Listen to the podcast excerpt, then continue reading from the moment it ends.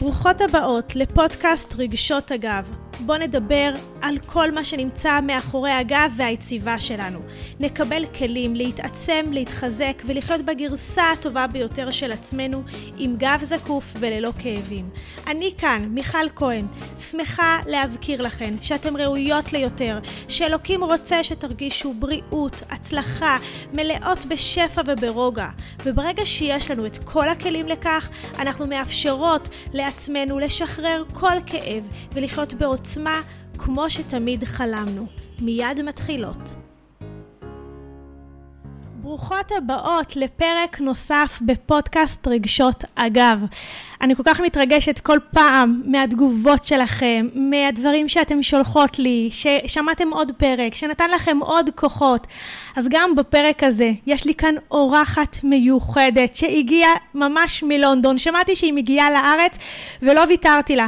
אמרתי לה, את צריכה לבוא אליי עד לקליניקה להקליט לכם פודקאסט, כי אני יודעת כמה המילים שלה שוות זהב, ואולי אפילו אתם שומעות את המילים האלה בצורה אחרת ממני, אבל שומעים את זה מעוד מישהו, בעוד רעיונות ותובנות, זה נותן מלא מלא כוחות.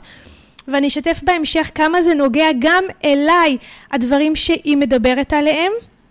ואז אם אתם ככה מתחברות לפודקאסט הזה ונהנות ממנו, תשתפו אותו לעוד חברות, תספרו לנו מה הוא עשה לכם, איך הוא ריגש אתכם, זה ממלא אותנו ונותן לנו כוחות. אני כל כך מתרגשת להציג את גיטי שוורץ, שלקחה לעצמה פרויקט לחיים, שאלו אותה, גיטי, מה את עושה? היא אומרת לי, אני נותנת כוח לנשים.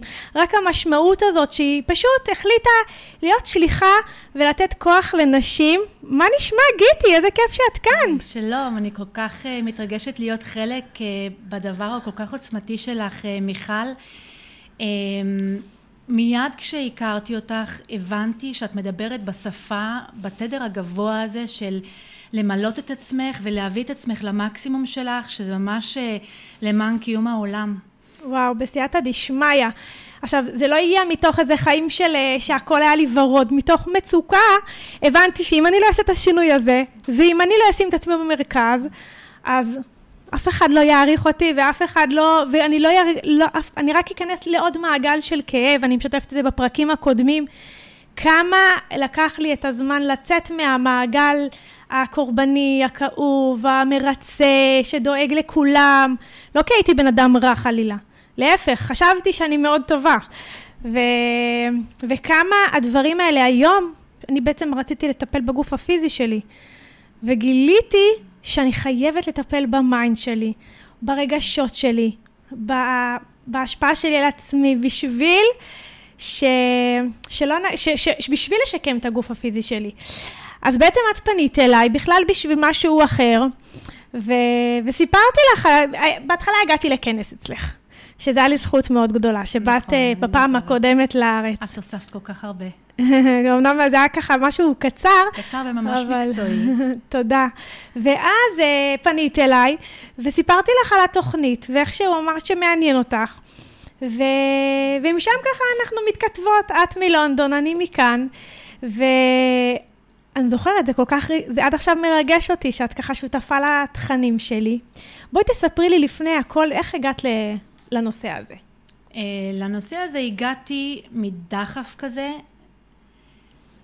שלמדתי מספיק כדי להבין שמקום של אישה זה מקום של כבוד ואהבה ללא תנאים.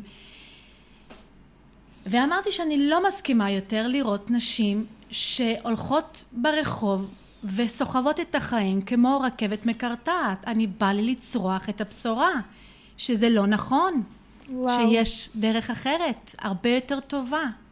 שזה בעצם הדרך של היהדות, וזה הדרך של השם. אהבה ללא תנאים זה אהבת הבורא כאב לבנו, זה האהבה הכי הכי גדולה של הקדוש ברוך הוא אלינו. והדבר הראשון, ואהבת לרעך כמוך, כמו שאני אוהבת את עצמי, אני לא יכולה להיות אף, בשביל אף אחד. את אומרת, הן סוחבות ומקרטעות, זה כל כך משפיע על הגב שלהם. אני הולכת לכל מיני מקומות ברחוב, או במוסדות, או בכל... ואני אומרת, מה יש להם על הגב? כאילו, בא לי לפעמים רק ללטף ולאפשר להם להזדקף, אבל הן סוחבות לא רק את היציבה, או את זה שהם טיפלו והעניקו את התינוק שלהם או טיפלו בו בלילה. נכון שזה גם משפיע.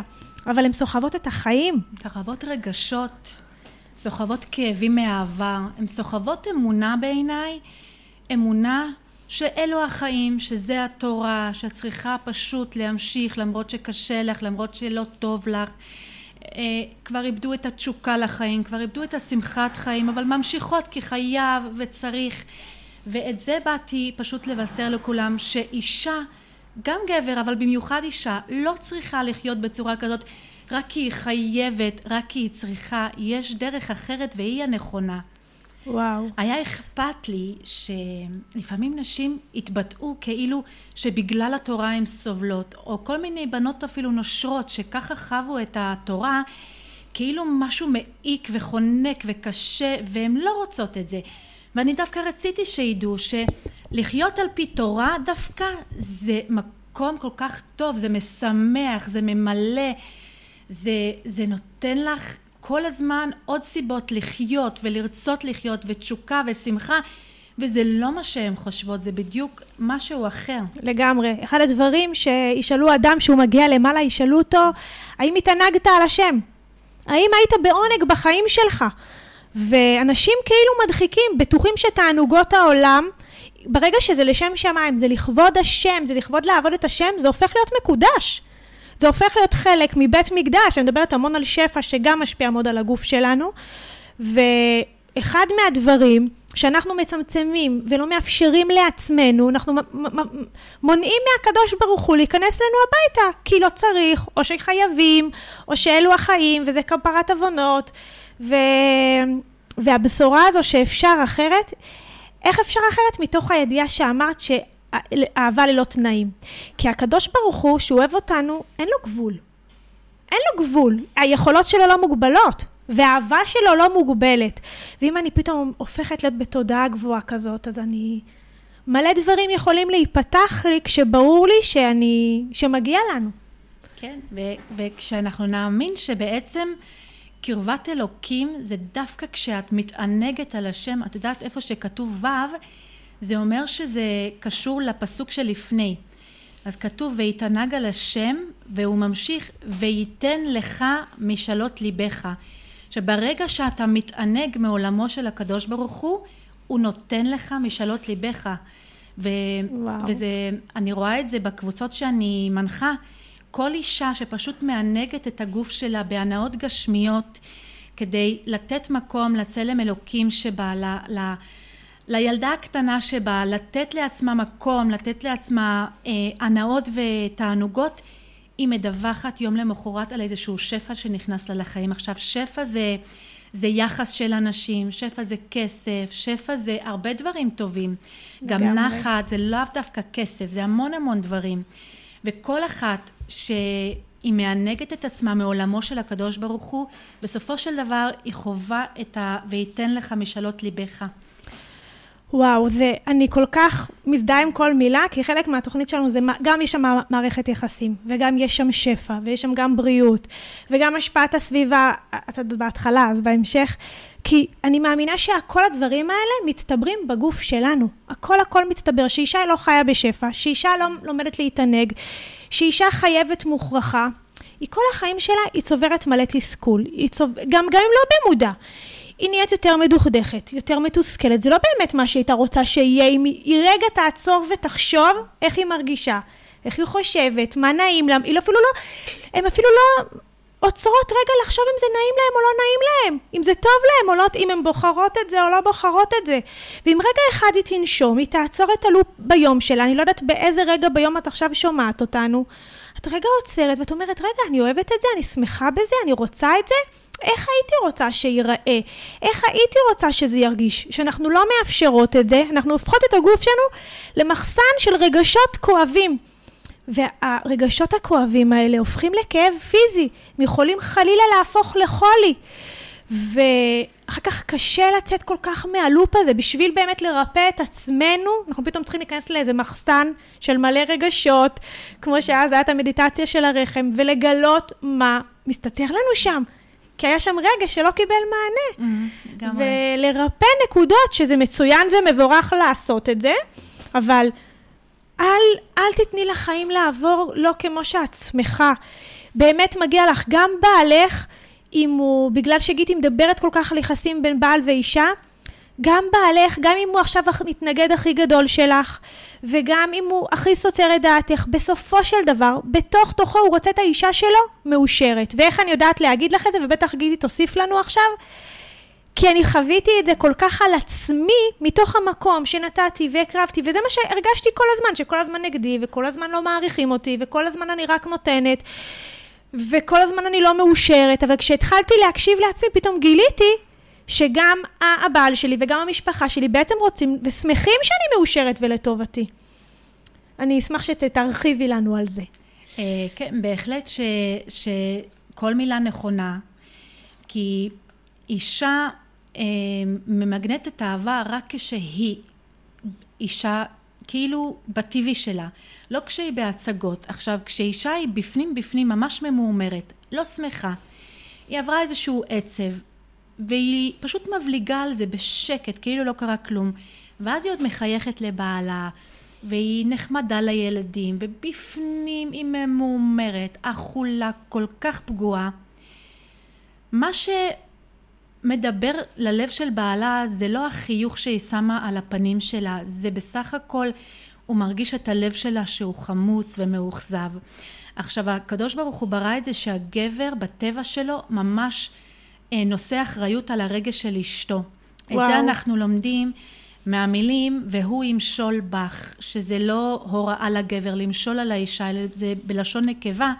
הוא ימשול בך, שזה אומר איפה עוד יש לנו את המילים מושל, ומושל ברוחו מלוכד עיר, שמכאן אנחנו לומדים שלמשול זה במצב רוח.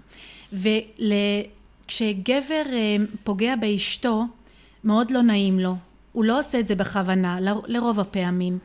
ולא תמיד הוא יודע, ואם האישה לא מודיעה לו והיא פגועה, הוא ממש לוקח אחריות על זה, כי בטבע הנשמתי שלו, בפנים בפנים, גם אם הוא לא מודה לך והוא עצמו לא מודה לעצמו, משהו בפנים בנשמה שלו מרגיש מאוד אשם כשאשתו לא שמחה.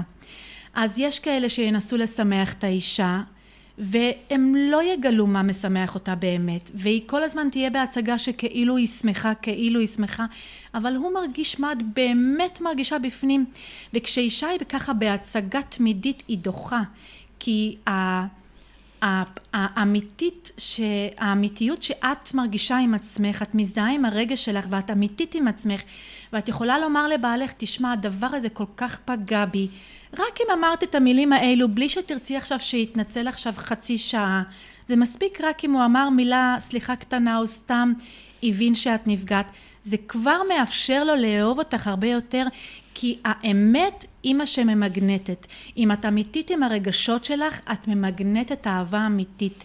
ואם את כל הזמן בהצגה ומחביאה את הפגיעות שלך, ואת מחביאה, נניח אפילו לא פגיעות, אפילו את רוצה שהוא יקנה לך איזה משהו. תכשיט קטן לחג. עכשיו, לא כל אישה תתחבר לזה, כי לא כל אחד מאוד שמחה עם תכשיט, אבל כל אחד תיקח את זה למקום שלה.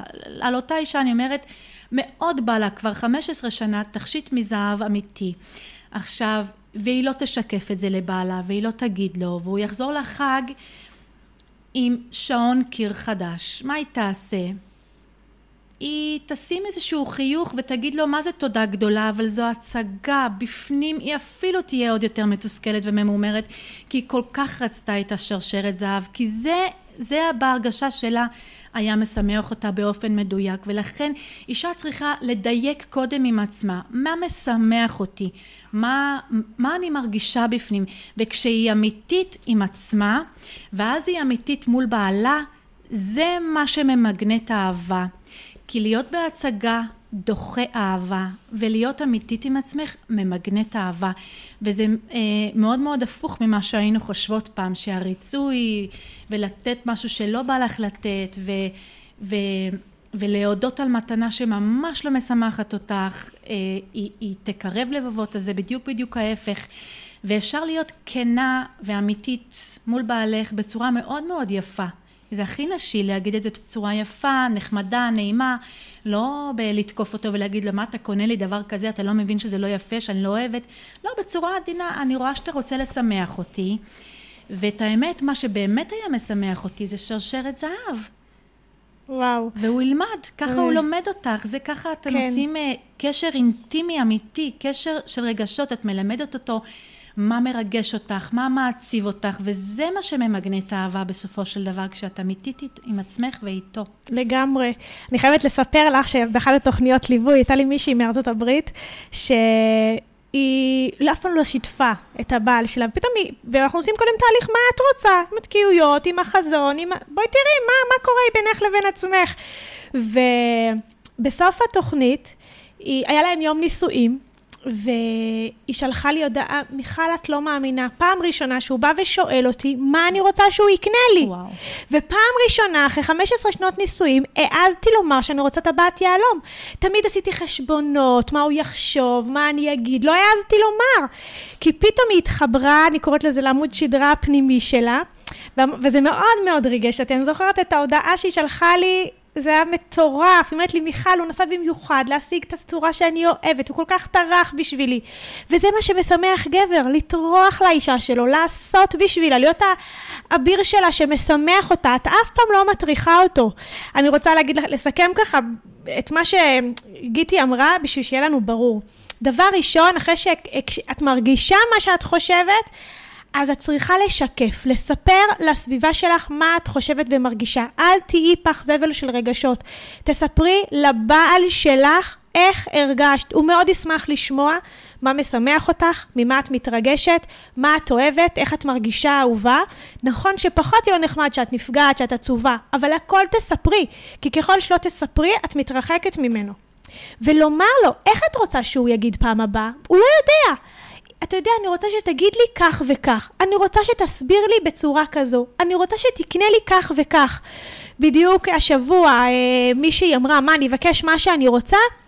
כן, תבקשי מה שאת רוצה. שחנה התפללה לבן, היא ביקשה בן צדיק, יפה תואר, יפה מראה. מה את מתחילה לבקש בקשות? תגידי בעזרת השם שבכלל הוא יחיה, ש- ש- שיהיה בריא, שיהיה יפ- יפה, שיהיה פה, שיהיה שם. לא, את יכולה לבקש הכל. את הבת של מלך מלכי המלכים, עם אהבה ללא תנאים. ואין גבול ליכולת שלך.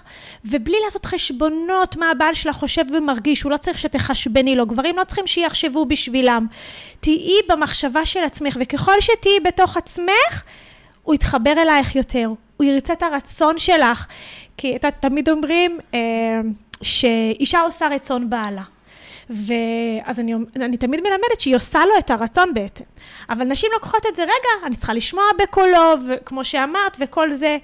אז, אה, אז רוצה לדבר על זה? בטח יש לך מה לומר. אמ, כן, בהחלט. אבל אני גם רוצה לומר אמ, שעם עם נרקסיסט זה לא עובד ככה, שאם יש אישה שהיא חיה עם נרקסיסט, שהיא לא תגלה לו מה היא מרגישה, שהיא פשוט תהיה, תמשיך להיות כנה עם עצמה ולדעת מה היא נכון. רוצה, לשמח את עצמה, להיות עם עצמה, להזדהות עם הרגשות שלה, לטפל בעצמה, לא לתת לדברים ככה לעבור את החיים וזהו. כן, אם כבר הזכרת נרקסיסט, אז יש לי הרבה נשים שבליווי שהם עם, עם, עם בעל עם הפרעת אישיות כזו, ובעצם ככל שתתמקדי בעצמך, שיהיה לך בטוח מה מגיע לך, מבלי להסביר את עצמך, מבלי לתרץ את עצמך, מבלי לתת הסברים למה, כמה ואיך, כי את אהובה, כי מגיע לך, כי את חשובה, ברור לך איך מתנהגים אלייך.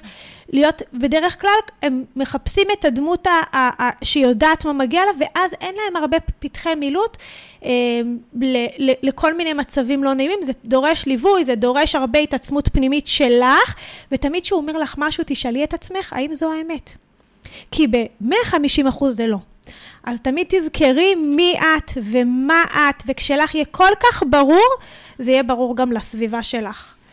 ויותר מכך, יש נשים שהיו בטוחות שהן חיות עם נרקסיסט, עד שהן הבינו שסך הכל זה שהם לא אפשרו לגבר שלהם לתת להם ולשמח אותם במקום המאוד מדויק שהם היו צריכות, הגבר פיתח כזה תסכול שהוא התנהג כמו נרקסיסט, אבל ברגע שהם הפכו בחזרה את הגלגל הזה, אני קוראת לזה גלגל נתינה וקבלה, שאני לא ארחיב על זה כרגע, אבל ברגע שאישה מפסיקה לחשב, לחשבן לבעלה, לעזור לו לתת לך, שהיא פשוט מביעה את הרצון שלה, מביעה את הרגש שלה בצורה טבעית, בלי לחשוב איך הוא ייתן לי עכשיו, בלי לעזור לו איך הוא ישיג לי עכשיו, פשוט תכבדי אותו שאם הוא נולד גבר, אם הקדוש ברוך הוא שמח עליו שהוא גבר, הוא מסוגל למלא את תפקידו כגבר משפיע ונותן לא רק דברים טכניים כמובן, אה, אם הוא גבר הוא משפיע, הוא צריך, הוא משפיע עלייך מצב רוח, משפיע עלייך אה, על הכל, על כל הבית ועל הכל, ואם את מאפשרת לו לתת לך, את מבריאה לו את הנפש. וואו. פשוט ככה, הנשים לא יודעות עד כמה נשמתו של הגבר שם בשורש, בפנים, מתחת לכל התסכולים, יש כזה רגש לתת, יש לו כזאת תשוקה, הוא יעשה הכל בשביל להיות משמעותי בחיי אשתו. אבל אם אשתו לא, לא מאפשרת והיא לא מיידעת אותו והיא לא טבעית איתו, הוא יחפש להיות משמעותי בחיים של מישהו אחר. לעבודה הוא יתמסר, הוא יתמסר לאדמו"ר שלו, הוא יתמסר ל... לכל מיני דברים. הוא, הוא ילך להיות מתנדב באיזשהו מקום, כי מאוד מאוד חשוב לכל גבר להרגיש שהוא משפיע, שהוא מציל, שהוא עוזר, שהוא מצליח לשמח מישהו. כן. אז אם האישה תאפשר לו לשמח אותה, הצילה אותו מן החטא. נכון, זה קורה ככה. המון המון אצל נשים שהן לוקחות מלא מלא שליטה על כל הדברים שבבית, על כל הזה, ואחר כך הן לא מבינות למה כל כך כואב להן. מילא עבדת קשה, אבל היא מרגישה פתאום בודדה בבית, פתאום היא מרגישה גם שהתמיכה, מילא תמיכה פיזית, אפילו תמיכה רגשית נעלמה, כי לקחת את כל האחריות. אז קודם כל באמת להרפות עם האחריות, וככל שאת תשחררי, ותגידי מה את רוצה, מה משמח אותך, את תתחילי לגלות איך החיים שלך נהיים כל כך הרבה שמחים ומרגשים, וכל כך הרבה כאב את יכולה לחסוך רק מלשמוע את הדברים המחכימים האלה. אמ, מהמם, מרגש. אז בעצם אמרנו שיש לך עוד מה להוסיף על זה? כן, okay. אוקיי. אני, אני, כשאני מנחה את הקבוצות, אני אומרת שכל אישה צריכה להקשיב לקול הפנימי שלה, ופשוט להיצמד לזה, כי בכל נשי פנימי יש אינטואיציה, זה החוכמת נשים, הבינה היתירה, יש שם משהו מאוד מיוחד, כשיש לך פתאום רצון לעשות משהו, אז אני מנחה ככה נשים להיצמד לרצון, אנחנו מדייקות, מדייקות מאוד שיהיה הלכתי, שיהיה אמיתי, שיהיה הרצון האמיתי, כי לפעמים יש לאנשים רצונות לנקום, שזה לא רצון אמיתי, זה לא נשי וזה לא אלוקי, זה רצון שהוא רוח שטות, אבל כשאנחנו מנסות לברר מה הרצון שלך, זה הליכה, יש, היה לך חלום לנגן, היה לך חלום להרצות, היה לך חלום להקים איזשהו עסק או משהו, והרבה נשים לפעמים אומרות לי, החלום שלי זה לישון.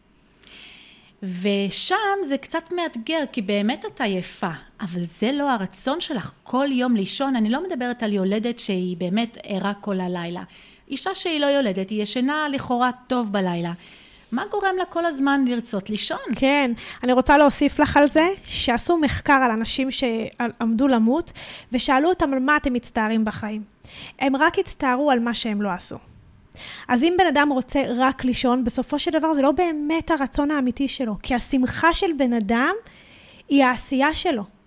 וגם אישה שיש לה אנרגיה לעשייה, ושהיא אנרגטית, ושהיא מלאה בכוח, היא הרבה יותר מושכת וממגנטת, נכון? לגמרי. אז איך אנחנו נעשה את הפער הזה בין הלא לישון הזה, ולהתנתק, ותשחררו אותי, ואני, והעייפות רודפת עייפות, שגורמת לנו להתרחק גם מהסביבה באיזשהו מקום. אה, למקום הזה האנרגטי, המשפיע, שזה ממלא אותנו, זה לא מעייף אותנו. ואז אני שמעתי ממך שיעור, אה, מיכל, ששם את מסבירה בצורה מקצועית מה קורה לבן אדם כשהוא לא זז, הוא המון יושן, המון יושב, לא זז. נכון. מה ב- זה היה? כן, בעצם כשאנחנו יושבים רוב הזמן או ישנים, הגוף שלנו הוא לא בתזוזה. יש הרבה פחות זרימה של דם. הרקמות שלנו, השרירים שלנו, התאים שלנו, פחות מקבלים אנרגיה, פחות מקבלים תפקוד מהמוח, מה לעשות. הם הולכים ונחלשים, הם פשוט לא פעילים. וככל שאנחנו לא פעילים, מערכת השרירים נהיית חלשה, המערכת הנורולוגית, התפקוד מהמוח, מה אנחנו צריכים לעשות, הולך ונעשה חלש יותר. המערכת החיסונית שלנו נחלשת, וממש הכוח המנטלי שלנו, אפילו לעמוד על הרצונות והרגשות שלנו ולהתחבר למש, למי שאנחנו, הולך ונחלש, כי הגוף והנפש כל כך מחוברים, כמו שאתם שומעות כל הזמן ממני. אז תחשבי אישה שבעצם רוצה ללכת לישון, היא רק הולכת להיות עוד יותר עייפה למחרת. לגמרי. בעצם הרצון הזה לישון זה לא כי היא צריכה עכשיו שינה כל הזמן, זה בסדר שיהיה לך את השעות שינה מספיקות, לא דיברנו אם, צריך, אם, אם לא ישנת בלילה. זה כנראה חסכים של תוספי תזונה, זה חוסר שמחה למה המטרות שלך לקום בבוקר, מה ישמח, האם שמת לך לעצמך השבוע ביומן משהו שישמח אותך? האם את דואגת לעצמך במהלך היום? ודווקא הפעילות הגופנית הזאת גורמת לך להיות חזקה, מחוברת לעצמך, מתחברת לגוף שלך הנשי, הבית של הנשמה, שהוא מקור מאוד מאוד גבוה. ומקדשת אותו בדברים הפיזיים שאישה מקדשת עצמה על ידי הדברים הגשמיים. ונכון, ממש ככה. זאת אומרת, לפעמים הליכה, כמו שאת אמרתי שלקחת את זה מאוד, תחזק אותה יותר משעת שינה. הרבה יותר, ואפשר לראות את זה. כל אישה שתעשה את זה, במקום ללכת לישון, כן, קודם תעשי לך חישוב, אם באמת לא ישנת בלילה, אם את חלשה, משהו כואב לך, אז באמת תקשיבי לקול הפנימי. אבל כשתקשיבי לזה פעמיים, רוב הפעמים את תרגישי שזה לא מה שאת רוצה. כי בסוף את מתוסכלת, כי מה עשית כל, כך הרבה ימים, רק לישון. אבל כאן נכנס עוד איזשהו משהו שאנחנו חושבות, היינו חושבים פעם שאהבה זה רגש. אבל בעצם אהבה זה פעולה שעושים למען להיטיב עם עצמך, אלו פעולות. ועד שאנחנו לא מבינות שלתת לך אהבה זה לעשות לעצמך פעולות, אנחנו ישנים וישנים. אז אם אנחנו נבין ש...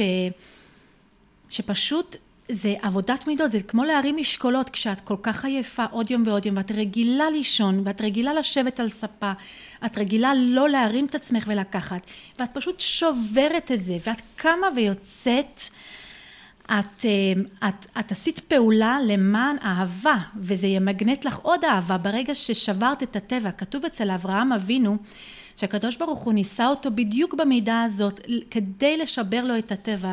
כל הניסיונות שכל האבות שלנו קיבלו, היו בשביל לשבר את הטבע. אברהם אבינו היה אה, סמל של חסד, אה, הכנסת אורחים, לעשות טוב לאחרים. ואז הקדוש ברוך הוא שם אותו בניסיון אחרי ברית המילה שלו, ו...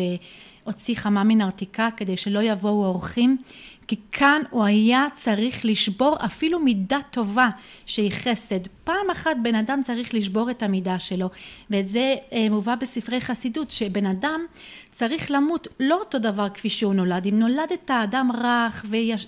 אה, ככה ישנוני כזה, אתה צריך פשוט לעשות משהו בשביל למות קצת אחרת, קצת לשבור את הטבע, כי אחרת אנחנו כמו בהמות, הוא נולד מישהו מסוים והוא מת אותו דבר, ואנחנו כבני אנוש וכיהודים צריכות באיזשהו מקום להרגיש שאנחנו צריכות לשבור את הטבע. אני עייפה, אני מתגברת על עצמי ואני יוצאת להליכה, ויש אפילו עוד משהו, תדעי לך ש... אנשים עם הפרעות קשב וריכוז, ככה קוראים להם, אני קוראת להם מקדמים, זה אנשים שיש להם מפעל בראש, הם מייצרים, הם יצרנים, כי בלעדיהם לא היו פה דברים אה, חדשים בעולם. אז מתי נוצרים להם כל הדברים החדשים שהם מייצרים להם בראש, שהעולם הזה מאוד נהנה מהם? כשהם מתחילים לזוז. כל תזוזה מכניסה לך מחשבות חדשות. אז כשאת ממש. בבית ואת כל הזמן ב, בישיבה או בשינה, המחשבות שלך הן כאילו לא זזות, לא נכנס לך שם שמחה חדשה.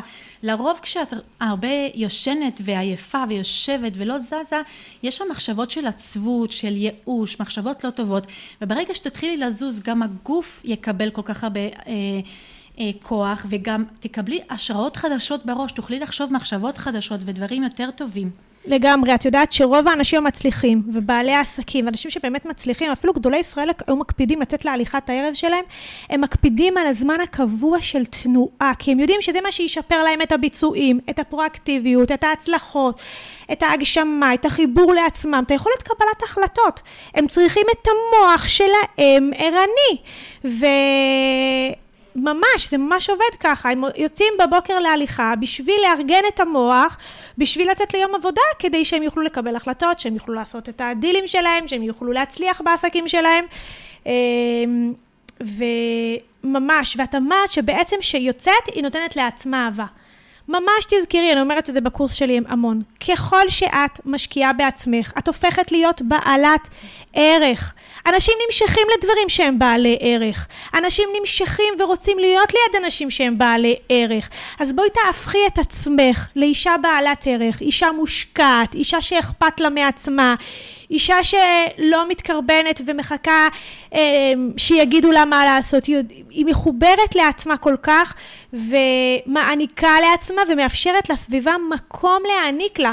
כי אם נחשוב רגע ליד איזה אנשים כיף לנו להיות, ליד אנשים האנרגטיים, שמשקיעים בעצמם, שאוהבים את עצמם, שעפים על עצמם, שמגשימים את עצמם. ואנשים שנותנים לך בכיף, זה לא בא להם ב... בחנק. מי שיודעת לתת בכיף לאחרים, זה זאתי שנותנת בכיף לעצמה קודם. כי בקבוק ריק לא יכול למלות כוסות. ממש. אם את מלאה, אז יש לך מלא לתת לאחרים. ממש. אה, יואו, יואו, כל מילה כאן אה, פנינה, תודו שזה אחד הפודקאסטים הכי עשירים שיש. וכשכבר תהיי ממש מלאה עם עצמך, תתחילי להוציא את אימא שלך להליכות, ואת אבא שלך, ואת סבא וסבתא, לא להשאיר אותם מאחור. כן. אבל זה יבוא גם אוטומטית, שיהיה לך את המקום ואת הפניות בלב לחשוב גם על אחרים, להעניק להם, בכל מיני דרכים. זאת אומרת, גם, גם איך להעניק, את צריכה לבחור, לראות מה מתאים לך. מה שנכון לאותה אחת, לא נכון בהכרח לך. וזה שאם לך לא מתאים לתת בצורה מסוימת, זה לא אומר שאת פחות טובה או פחות אהובה. זאת אומרת, ההשלמה והשמחה בבחירות שלי ובמי שאני, תאפשר לך להיות מאוד נאמנה לרצון שלך, לדעת מי את, ואנשים גם יעריכו את זה, שתדעי להגיד להם את הלא מתאים לי, לא מסתדר לי, אולי בפעם אחרת. זה חלק מעמוד שדרה חזק, ש... כי לפעמים שאנחנו רק נותנים, זה לא אומר שיעריכו אותנו יותר. לפעמים אפילו כיבוד הורים, שאנחנו נגיד להורים שלנו, מאוד נשמח בפעם אחרת. הם ישמחו שבפעם אחרת נעשה להם את זה בהכי אנרגיה מאשר נבוא עם פרצוף חמוץ.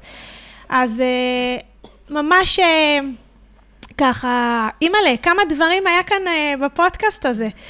אה, ממש. כן, ו- וזה אפילו מרפא מחלות נפש, מרפא דיכאון אחרי לידה, ממגר את התופעה של דיכאון אחרי לידה. כי חולי הנפש הכי גדול נגרם מזה שאדם לא רוצה לזוז מאזור הנוחות. למרות שנוח לא אומר שטוב לי. נוח לי לשבת בבית ולא לזוז, ללכת לישון כשאני עייפה במקום לצאת לעשות משהו. אה, נוח לי לא להתעמת עם אנשים ולכן אני לא יוצאת לעבוד. נוח לי, נוח לי, נוח לי, וזה לא המקום הטוב שלך. אז ברגע שאת זזה מאזור הנוחות, נכון, נוח לי ללכת לישון, אבל אני אזוז מהאזור הזה שנוח לי, אני אעשה משהו חדש, את מרפאה את הנפש שלך. טוב, נראה לי שאחרי הפודקאסט הזה כולם יוצאות להליכה, אבל אני חייבת להגיד לך שאני הייתי בדיכאון אחרי לידה. והיה לי דיכאון קשה, הוא נמשך שנה. מאוד התביישתי. לא העזתי לומר, בעלי לא ידע מזה, הייתי שחקנית, שיחקתי, חייכתי, תודה, כן, בטח. ובפנים בכלל לא רציתי לחיות, והתביישתי, ולא היה לי כסף, לא היה לי שקל לשום דבר לטיפול. הייתי פשוט לוקחת את התינוקת ואת העגלה, ורחוב כאן עגול, אם ראית, הייתי רצה בשמש, שזה ויטמין D. פשוט רצה, רצה ואומרת לעצמי, מיכל, את יכולה, את כן תהיי שמחה, את כן, פשוט הייתי רצה, עושה הליכות. זה מרגש. בשביל, כי ידעתי שהפעילות הגופנית משחררת לנו אנדרופינית, ואומרת למוח שישחרר שמחה לגוף. זה היה מחזיק בהתחלה חצי שעה, אחר כך שעתיים. היה לי מאוד קשה, לא ישנתי בלילות, למדתי מלא שעות, חזרתי מאוד מהר לעבוד, הייתי בשביל כולם, לא הייתי בשביל עצמי, ופשוט הייתי בדיכאון, אחר כך שהיה כאן איזה חוג בסבסוד של איזה זומבה, פשוט הלכתי לרקוד. הלכתי פשוט לקפוץ שעה כמו משוגעת בשבוע בשביל להחזיר לעצמי את היכולת ל- לשמוח. וואו. כי, ו- ואין לכם מושג כמה התנועה היא ריפוי של הנפש, כמו שאמרת, ריצה, שחייה, הליכה, ריקוד, מה שזמין לך, מה שאת אוהבת, תרגילים בבית, ואם את באחת התוכניות שלי אז אל תתעצלי ותפתחי, זה ממש מרפא את הנפש. אני אחר כך התחלתי ללמוד את כל הקטע של הדמיון המודרך, שגם נתן לי המון שלוות נפש והמון חיבור לעצמי, שאני גם מלמדת את זה. וזה בהחלט מרפא את הנפש. ואני רוצה להגיד לכם משהו על ריפוי נפש. כתוב ונשמרתם מאוד לנפשותיכם. למה לא כתוב ונשמרתם מאוד לגופכם? היום קיבלתי את זה מאחת הבוגרות של הקורס הכשרה שלנו. כי בעצם כשהנפש בריאה, הגוף בריא. אז קודם כל, ונשמרתם לנפשותיכם, תשמחי את הנפש, תרפאי את הנפש, הגוף יחלים ויבריא וירגיש נפלא. זה מתחיל בנפש, כל מה שקורה איתך בגוף, כל הכאבים מתחילים מהרגשות ומהמחשבות ומהאמונות שלנו, שככה פתחנו את הפרק הזה. וזה מרגש כמה השילוב הזה עושה פלאים כשמתחילים לרפא את מה שצריך, והכאבים נעלמים, כאבים של שנים. כן, וזה לא דווקא בספורט, זה עוד כל מיני הנאות ותענוגות שאת נותנת לעצמך, אמ, בלי נקיפות מצפון. זה חייב להיות חלק מזה. בלי נקיפות מצפון, רק לזכור שאת כרגע מכבדת את הצלם אלוקים שבך. ובהתחלה זה נראה לך איזשהו שטות, אז טוב, אז עשיתי לעצמי משהו נחמד היום, ולמחרת עוד פעמיים את עושה משהו לעצמך טוב, ואת אומרת, טוב, נו. אבל אחרי תקופה שאת כל הזמן עושה לעצמך תענוגות גשמיות טובות בשביל לכבד את הצלם אלוקים שלך, את פשוט תרגישי את השינוי הגדול והמבורך הזה.